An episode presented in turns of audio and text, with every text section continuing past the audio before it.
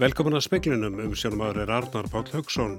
Starfsgrunarsambandið hóttar að slíta samningavirað við atvinnareikundur og hefja undirbúning verkvalla komi ekkert nýtt frá SA um helgina. Líklegt er að yfirnaðamenn slíti líka viðraðum.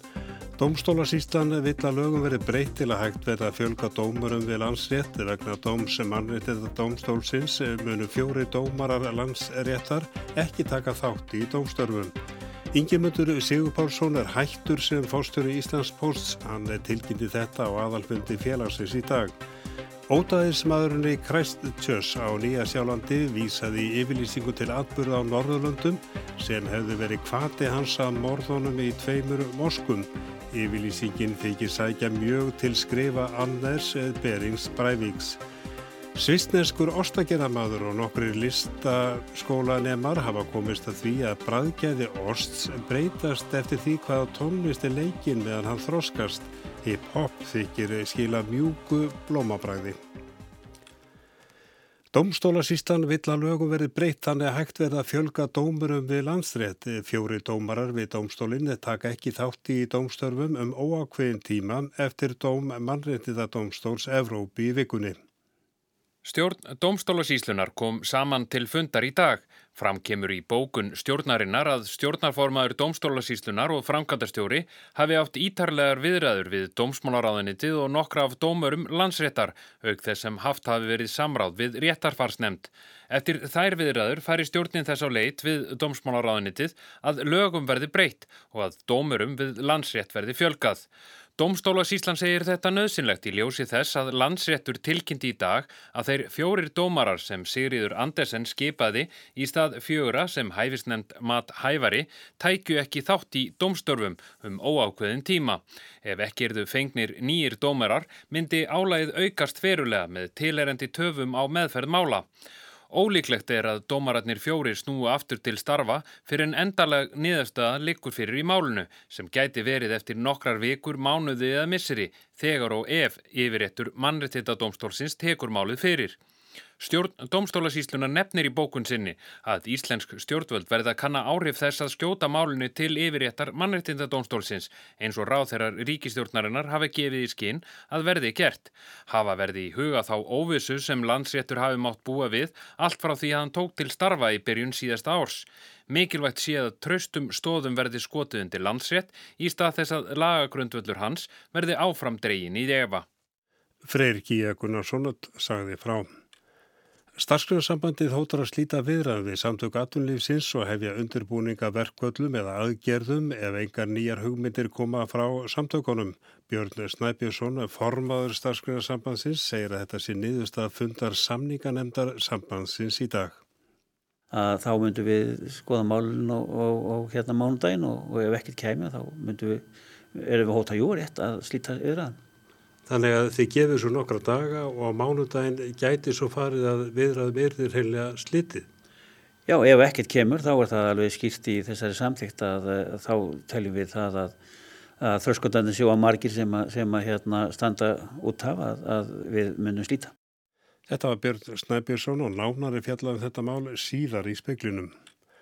Ingimöndur Sigurpálsson hefur sagt starfið sínu lausu sem fórstjóri Íslands Posts eftir rúmlega 14 ára starf. Þetta gerði hann á aðalfundi fyrirtækisins í dag. Ingimöndur segir í yflýsingu að óhjákvæmilega séu miklar breytingar framundan á fyrirkomala í postþjónustu með nýju lögum um postin sem eiga að taka gildi á næsta ári. Nýr fórstjóri þurfa að hafa svegrum til þess að móta undirbúninga að breytingunum. Rekstur Íslands Posts hefur gengið erfili á síðust ár, alþengi ákvað fyrir jól að heimila miljardakrónar lán til fyrirtækisins eða auka hlutafjöð ríkisins í Íslands Posti um alltaf 1,5 miljard krónar. Láni var veitt til að félagi geti brúðist við gríðalum rekstrar og lausa fjárvanda. Vandin er tilkomin vegna sífælt færri sendibrefa og minni notkunar á þjónustu postins.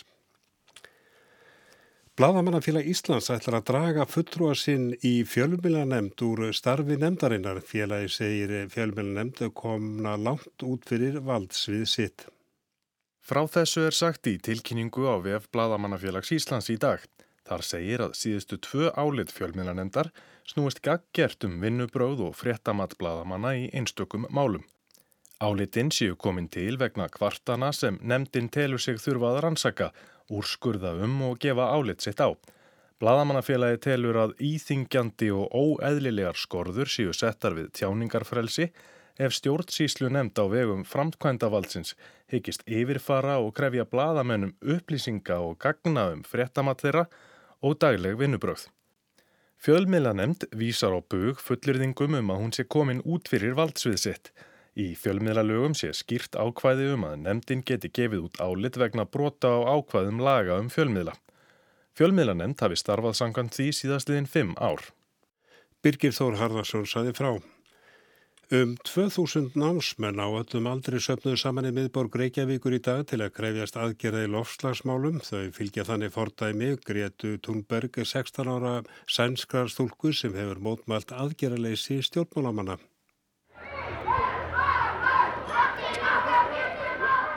Gengið var frá Hallgrímskirkju niður á Östurvöll þar sem haldinn var kröfufundur. Með mótmælunum vilja námsmenn vekja aðtikli á aðgerðaleysi stjórnvalda í loftslags og umhverfismálum. Ungt fólk um heim allan hefur undarfarið líst yfir áhyggjum á stöðumála og vill að strax verði greipi til rástafana sem döga til framtíðar. Kamila Mist Björgunsdóttir og Svanborg Haldunadóttir voru á meðal mótmælanda. Af hverju eru þið hérna í dag? Vegna þess að við viljum að við getum lifið lengur og fáum okkar já, framtíð. Já, framtíð. Haldið að stjórnvöld sé að hlusta á okkur? Já, já, gæti verið. Gæti verið. Svona, mitt á milli.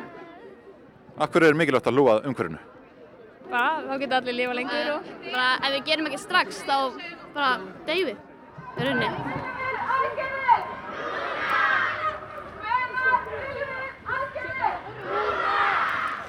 Yngvar Þór Björnsson rætti þarna við Svanborgu Haldunadóttur og Kamilu Mist Björgvinsdóttur og það var Solveig Klara Ragnarsdóttir sem tók pistilinn saman. Og þá hefur verið Óstinn rannsókn Svistners eh, Óstagerðamanns og nokkur að lista skóla nema hefur leitt í ljós að bræðgæðu Ósts breytast eftir því hvaða tónlist er leikin meðan hann þroskast í Óstakjallarónum. Bít Vanfler óstagerðanmaður hugsar út fyrir kassan. Hann leggur allt kapp á að emmental ósturinn hans bræðist betur en keppi nautana og létt sér því þetta í hug að leika nokkrar tónlistarstefnur meðan ósturinn hans væri að þroskast. Hann fekk nefnendur í listaháskólanum í Bern til að taka þátt í dálítið tilröðin með sér. Í einum hluta óstakjallarans var töfraflautan eftir Wolfgang Amadeus Mozart leikinn.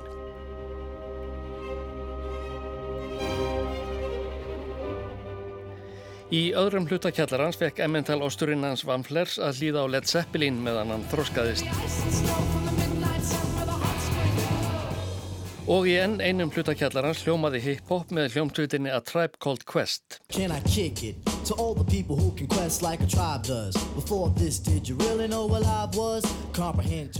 Loks var dauðaþögn í einum hlutakjallarans til að hægt værið að bera Óstinn sem þar þroskaðist saman við hinn. Tilraunin var gerð tvísvar, fyrst samkvamt vísindalegum aðferðum og síðan til að lefa domnæmt bræðgeðinga að smakka og aðtöka hvortir fyndu mun. Formaður nefndarinnar sagði að greinilegan mun værið að finna. Hip-hop ásturinn þótti honum vera með áberandi mjúkum blómakeim, einnig þótt honum Mozart ásturinn góður. Bít Vanfler ætlar að halda áfram að þróa emmental óstinn sinn með því að spila fyrir hann tónlist en það eru farnar að berast óskirum til dæmis blues óst eða ACDC óst og það var Áskil Tómasson sem að sagði frá Óstinum.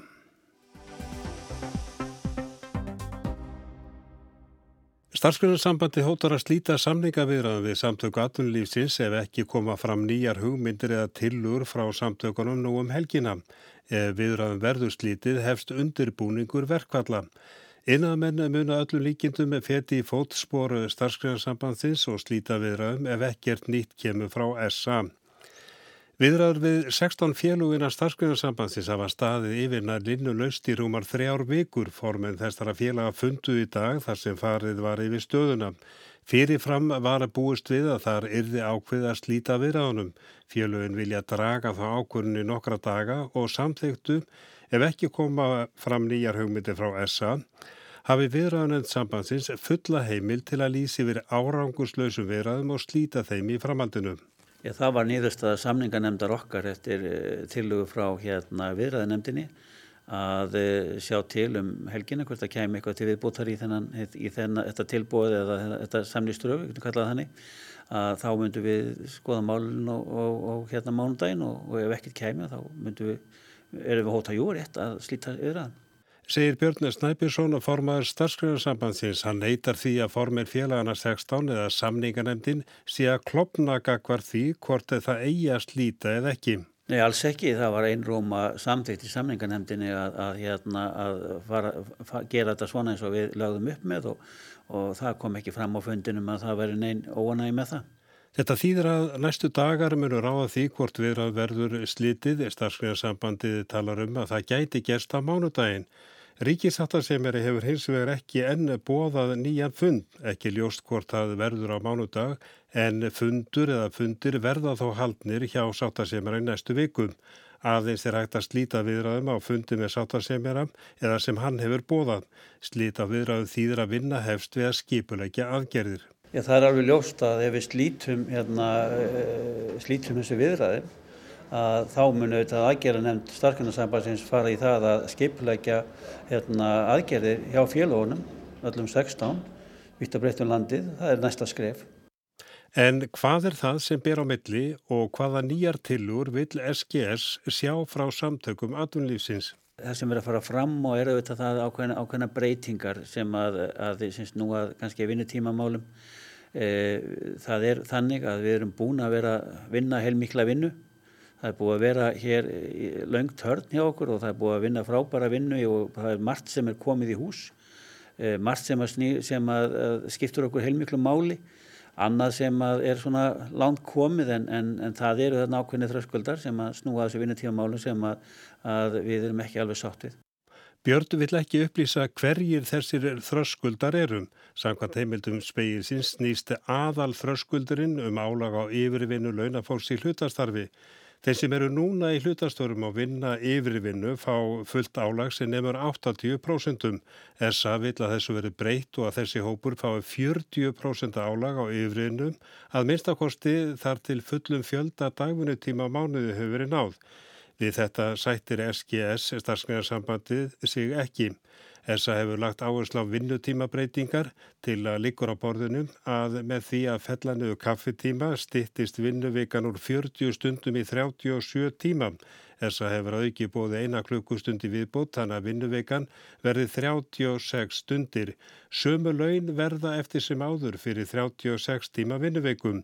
Það þýðra tímakaupi hækkar sem því nemur. Yfirvinnu álagi lækkar úr 80% í 66% sem er sama krónutala sem skýrist af styttingu vinnuveikunar. Þá er rættum að samningstímin lengist um nýju mánuði, verði þrjú ár og nýju mánuðir. Með lengingu hækki lægstu launum 90.000 krónur á samningstímanum í fjórum hækkunum.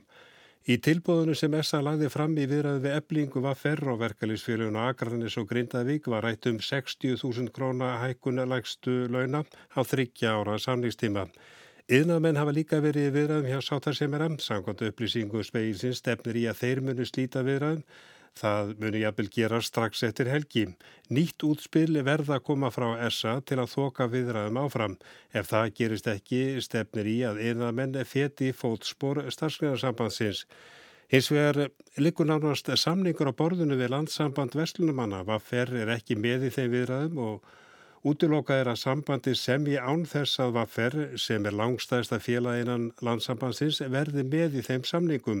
Þar likur á borðunum að vinnuvikan verði 35,5 klukkustund, það þýðir 47 klukkustund að stytting á vinnutíma ári með að við nú erandi vinnutíma.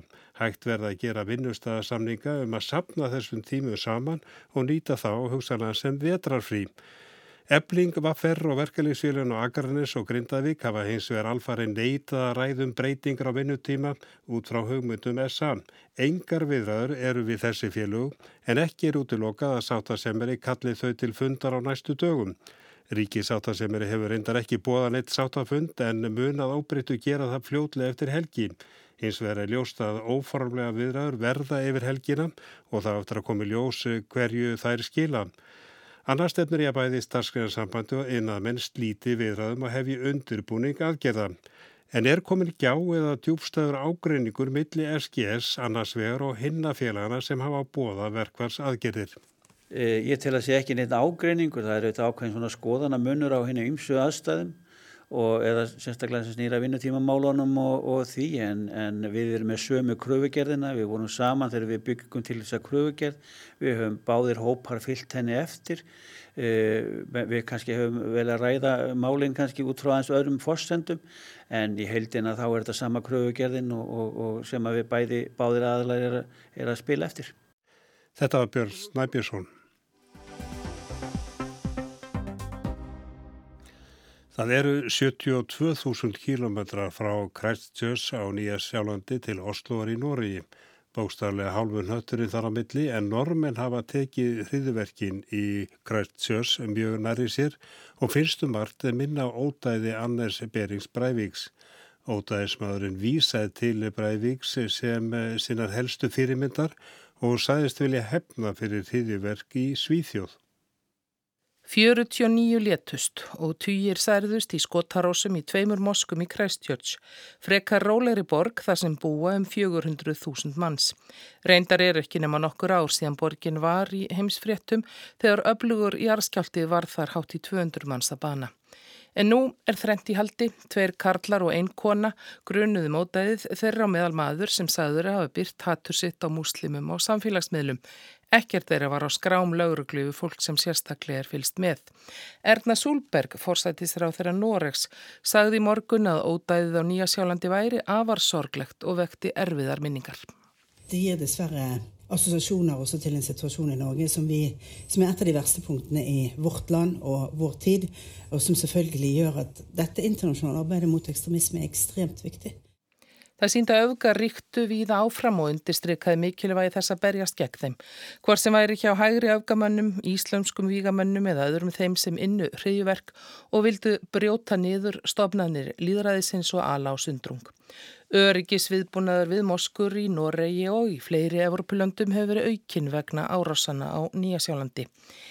Ekki er enn fulljóst hvernig þetta bar að. Fjögur voru handtekinn í fyrstu en einu manni svo sleft og þó að þrengt sé í haldi virðist sem einn maður hafi hafið skotarás í Al-Nur moskun í Christchurch þar sem fólk var við föstudagsbænir. Þar byrjaði hann að skjóta og sendi út í 17 mínútur beint frá árásinni á Facebook. Myndirnar úr myndavél sem hann var með á höfðinu. Frá Al-Nur moskunni ók hann til annarar mosku í Christchurch og hóf skotrið að nýju. Sjö fjallu í setni árasinni en 41 í þeirri fyrri og lögregla í borginni fann sprengiefni í tveimur bílum í grendinni og gerði óvirt. Maðurinn sagðist á upptökunni vera 28 ára ástrali, heita Brenton Tarrant og að myndunum sem nýsjálansk yfirvöld hafi beðið fólkum að dreifa ekki, mátti sjá hann skjóta á menn, konur og börn. Yfirvöld hafa tilkynnt að kallmaður á þrítusaldri hafi verið ákjörður fyrir morð og mæti fyrir rétti á laugardags morgun að staðartíma. Það er í kvöld að íslenskum tíma. Talið er að sami maður og sendi út myndinar hafi gefið út langa yfirlýsingu fyrir árásina um hvað til sínar. Þar er Annes Bering Breivik hildur og sagður hafa verið innblástur og fyrirmynd. Ódæðis maðurinn segist þar hafa átt í samskiptum við Breivik en lögmaður Breiviks tilur reyndar í hæstamáta ólíklegt að það hafi gerst. Mjög grant sé fylst með Breivik og samskipti hans við um heiminn afar takmörkuð. Tekstagreinendur sænskra varnarmáli viðvalda hafa farið í gegnum yfirlýsinguna sem er rúmlega 70 síður og segjast aldrei hafa síðan nokkuð sem líkist jafn mikið samt skrifum Breiviks. Tarrant segir í yfirlýsingunni að með árásunum vilji hann hefna meðal annars fyrir dauða ungra stúlku sem lést í hriðjuverka árás í Stokkólmi á drottningagötunni en móðurinnar harmar það í sænskum fjölmiðlum að nafn dótturinnar sé dreigiðin í áráður hermdarverkamanna. Jacinda Arden, forsættisra á þeirra Nýja Sjálands, sagði í ávarpi skömmu eftir af fréttist af ódæðinu að þessi dagur væri eitt svo dimmast í sögu landsins, hriðjuverkamenn og öfgaskoðinu þeirra ættu ekki heima í landinu. These are people who I would describe as having extremist views that have absolutely no place in New Zealand and in fact have no place in the world. Og reyndar ættu þær hverki heima. Arden vildi líka beina orðum sínum til þeirra sem ættum sárt að binda og taldi sig tala þar fyrir alla nýsjálendinga. Mörg fórnálambana væri ekki fætti kræstjörn sem hefðu valið að flytjast ángað, sem leitað ángað í vissum að þar gætu þau í örugu skjóli, ræktað sína trú og alið upp börnin sín. Svar Arden við því af hverju þetta hefði gerst á þessum stað var þetta. We, New Zealand, We were not a target because we are a safe harbour for those who hate. We were not chosen for this act of violence because we condone racism, because we're an enclave for extremism.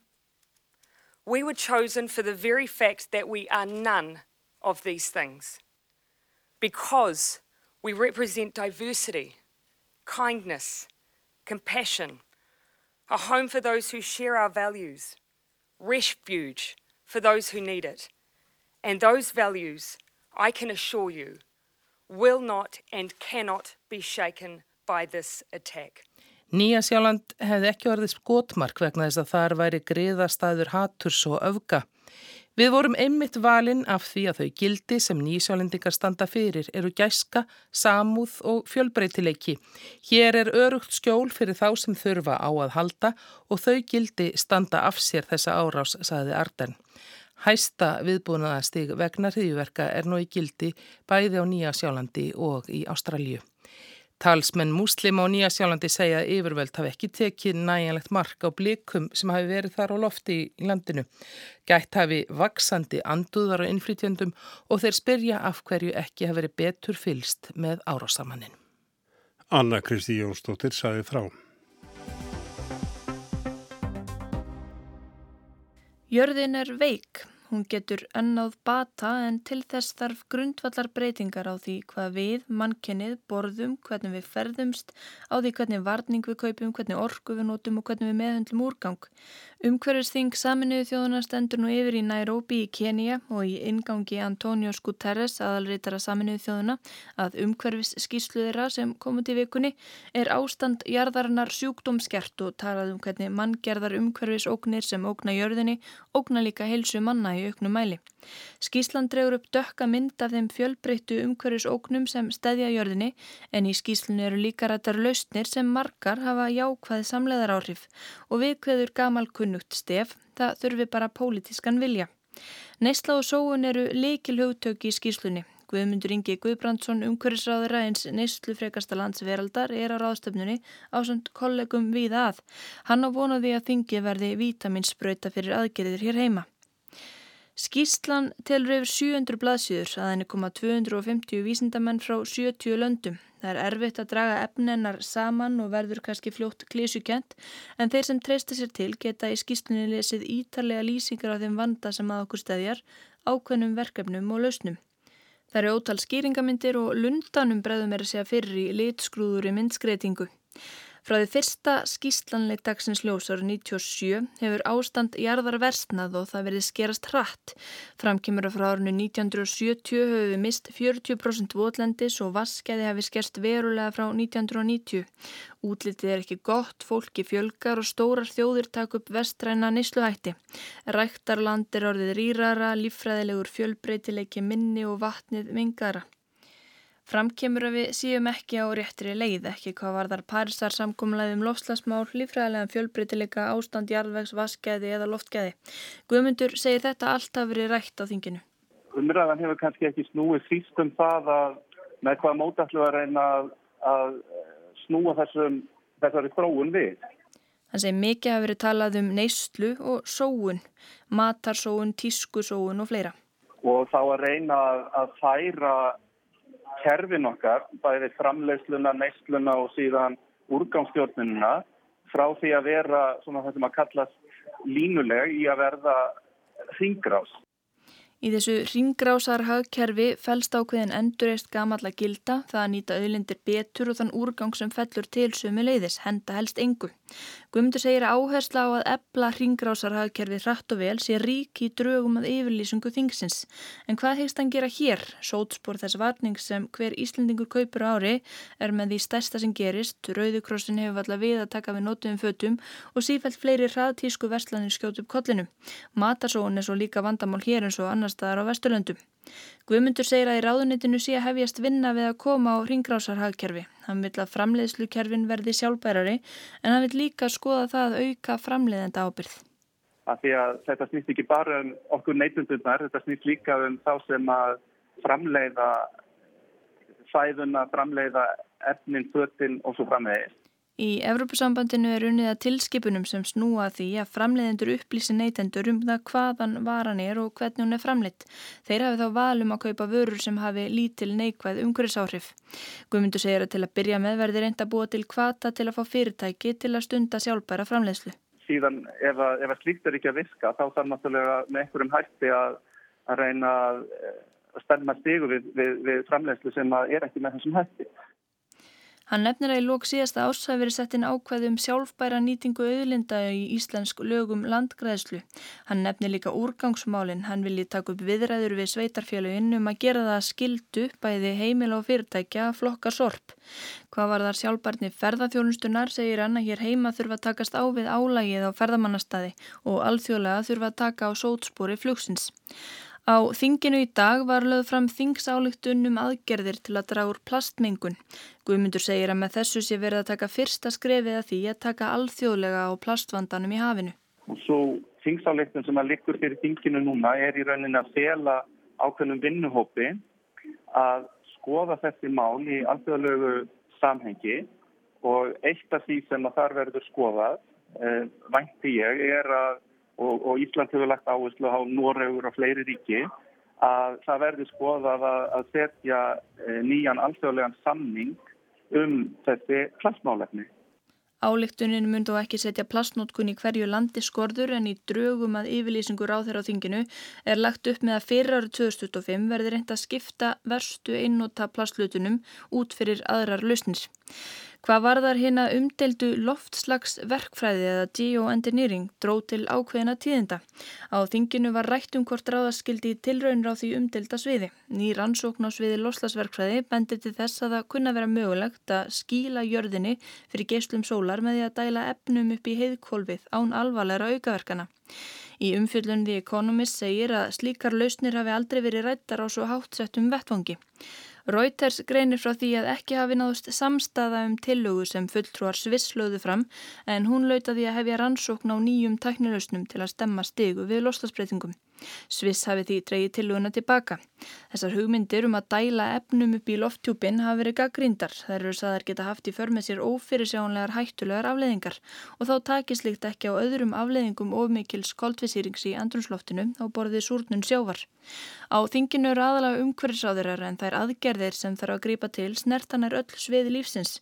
Á þingið eftir að leiða til breytinga. Guðmundur segir erfitt að svara því það séu höndum þeirra sem sækja fundin að koma nýðustuðum hans á framfæri heimafyrir. Tími framkvæmda er runnin upp.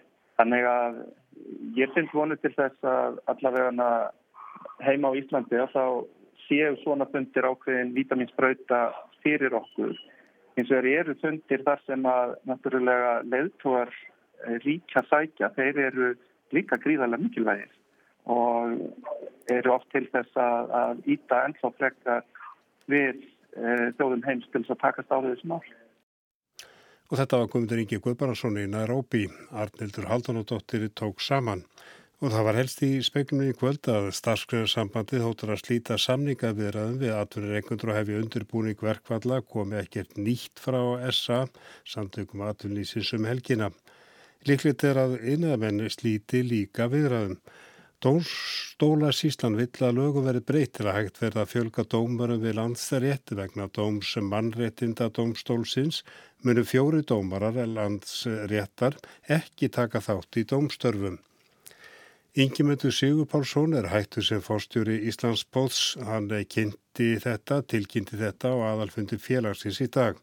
Ótaðismadurinn í Christchurch á Nýja Sjálfandi vísaði yfirlýsingu til atbyrð á Norðurlöndunum sem hefðu verið kvati hans að morðum í tveimur moskum Yfirlýsingin þykir sækja mjög í skrif Anders Berings Breiviks. Svistnenskur ostakjara og nokkri lista skólanemar hafa komist að því að bræðgæðu ost breytast eftir því hvaða tónlist er leikin meðan hann er þroskast. Hip-hop þykir skila mjög mjúku blóma bræði en það er ekki mikið fleira í spegninu kvöld. Tæknumar var Mark Eldred, verið sæl og góða helgin.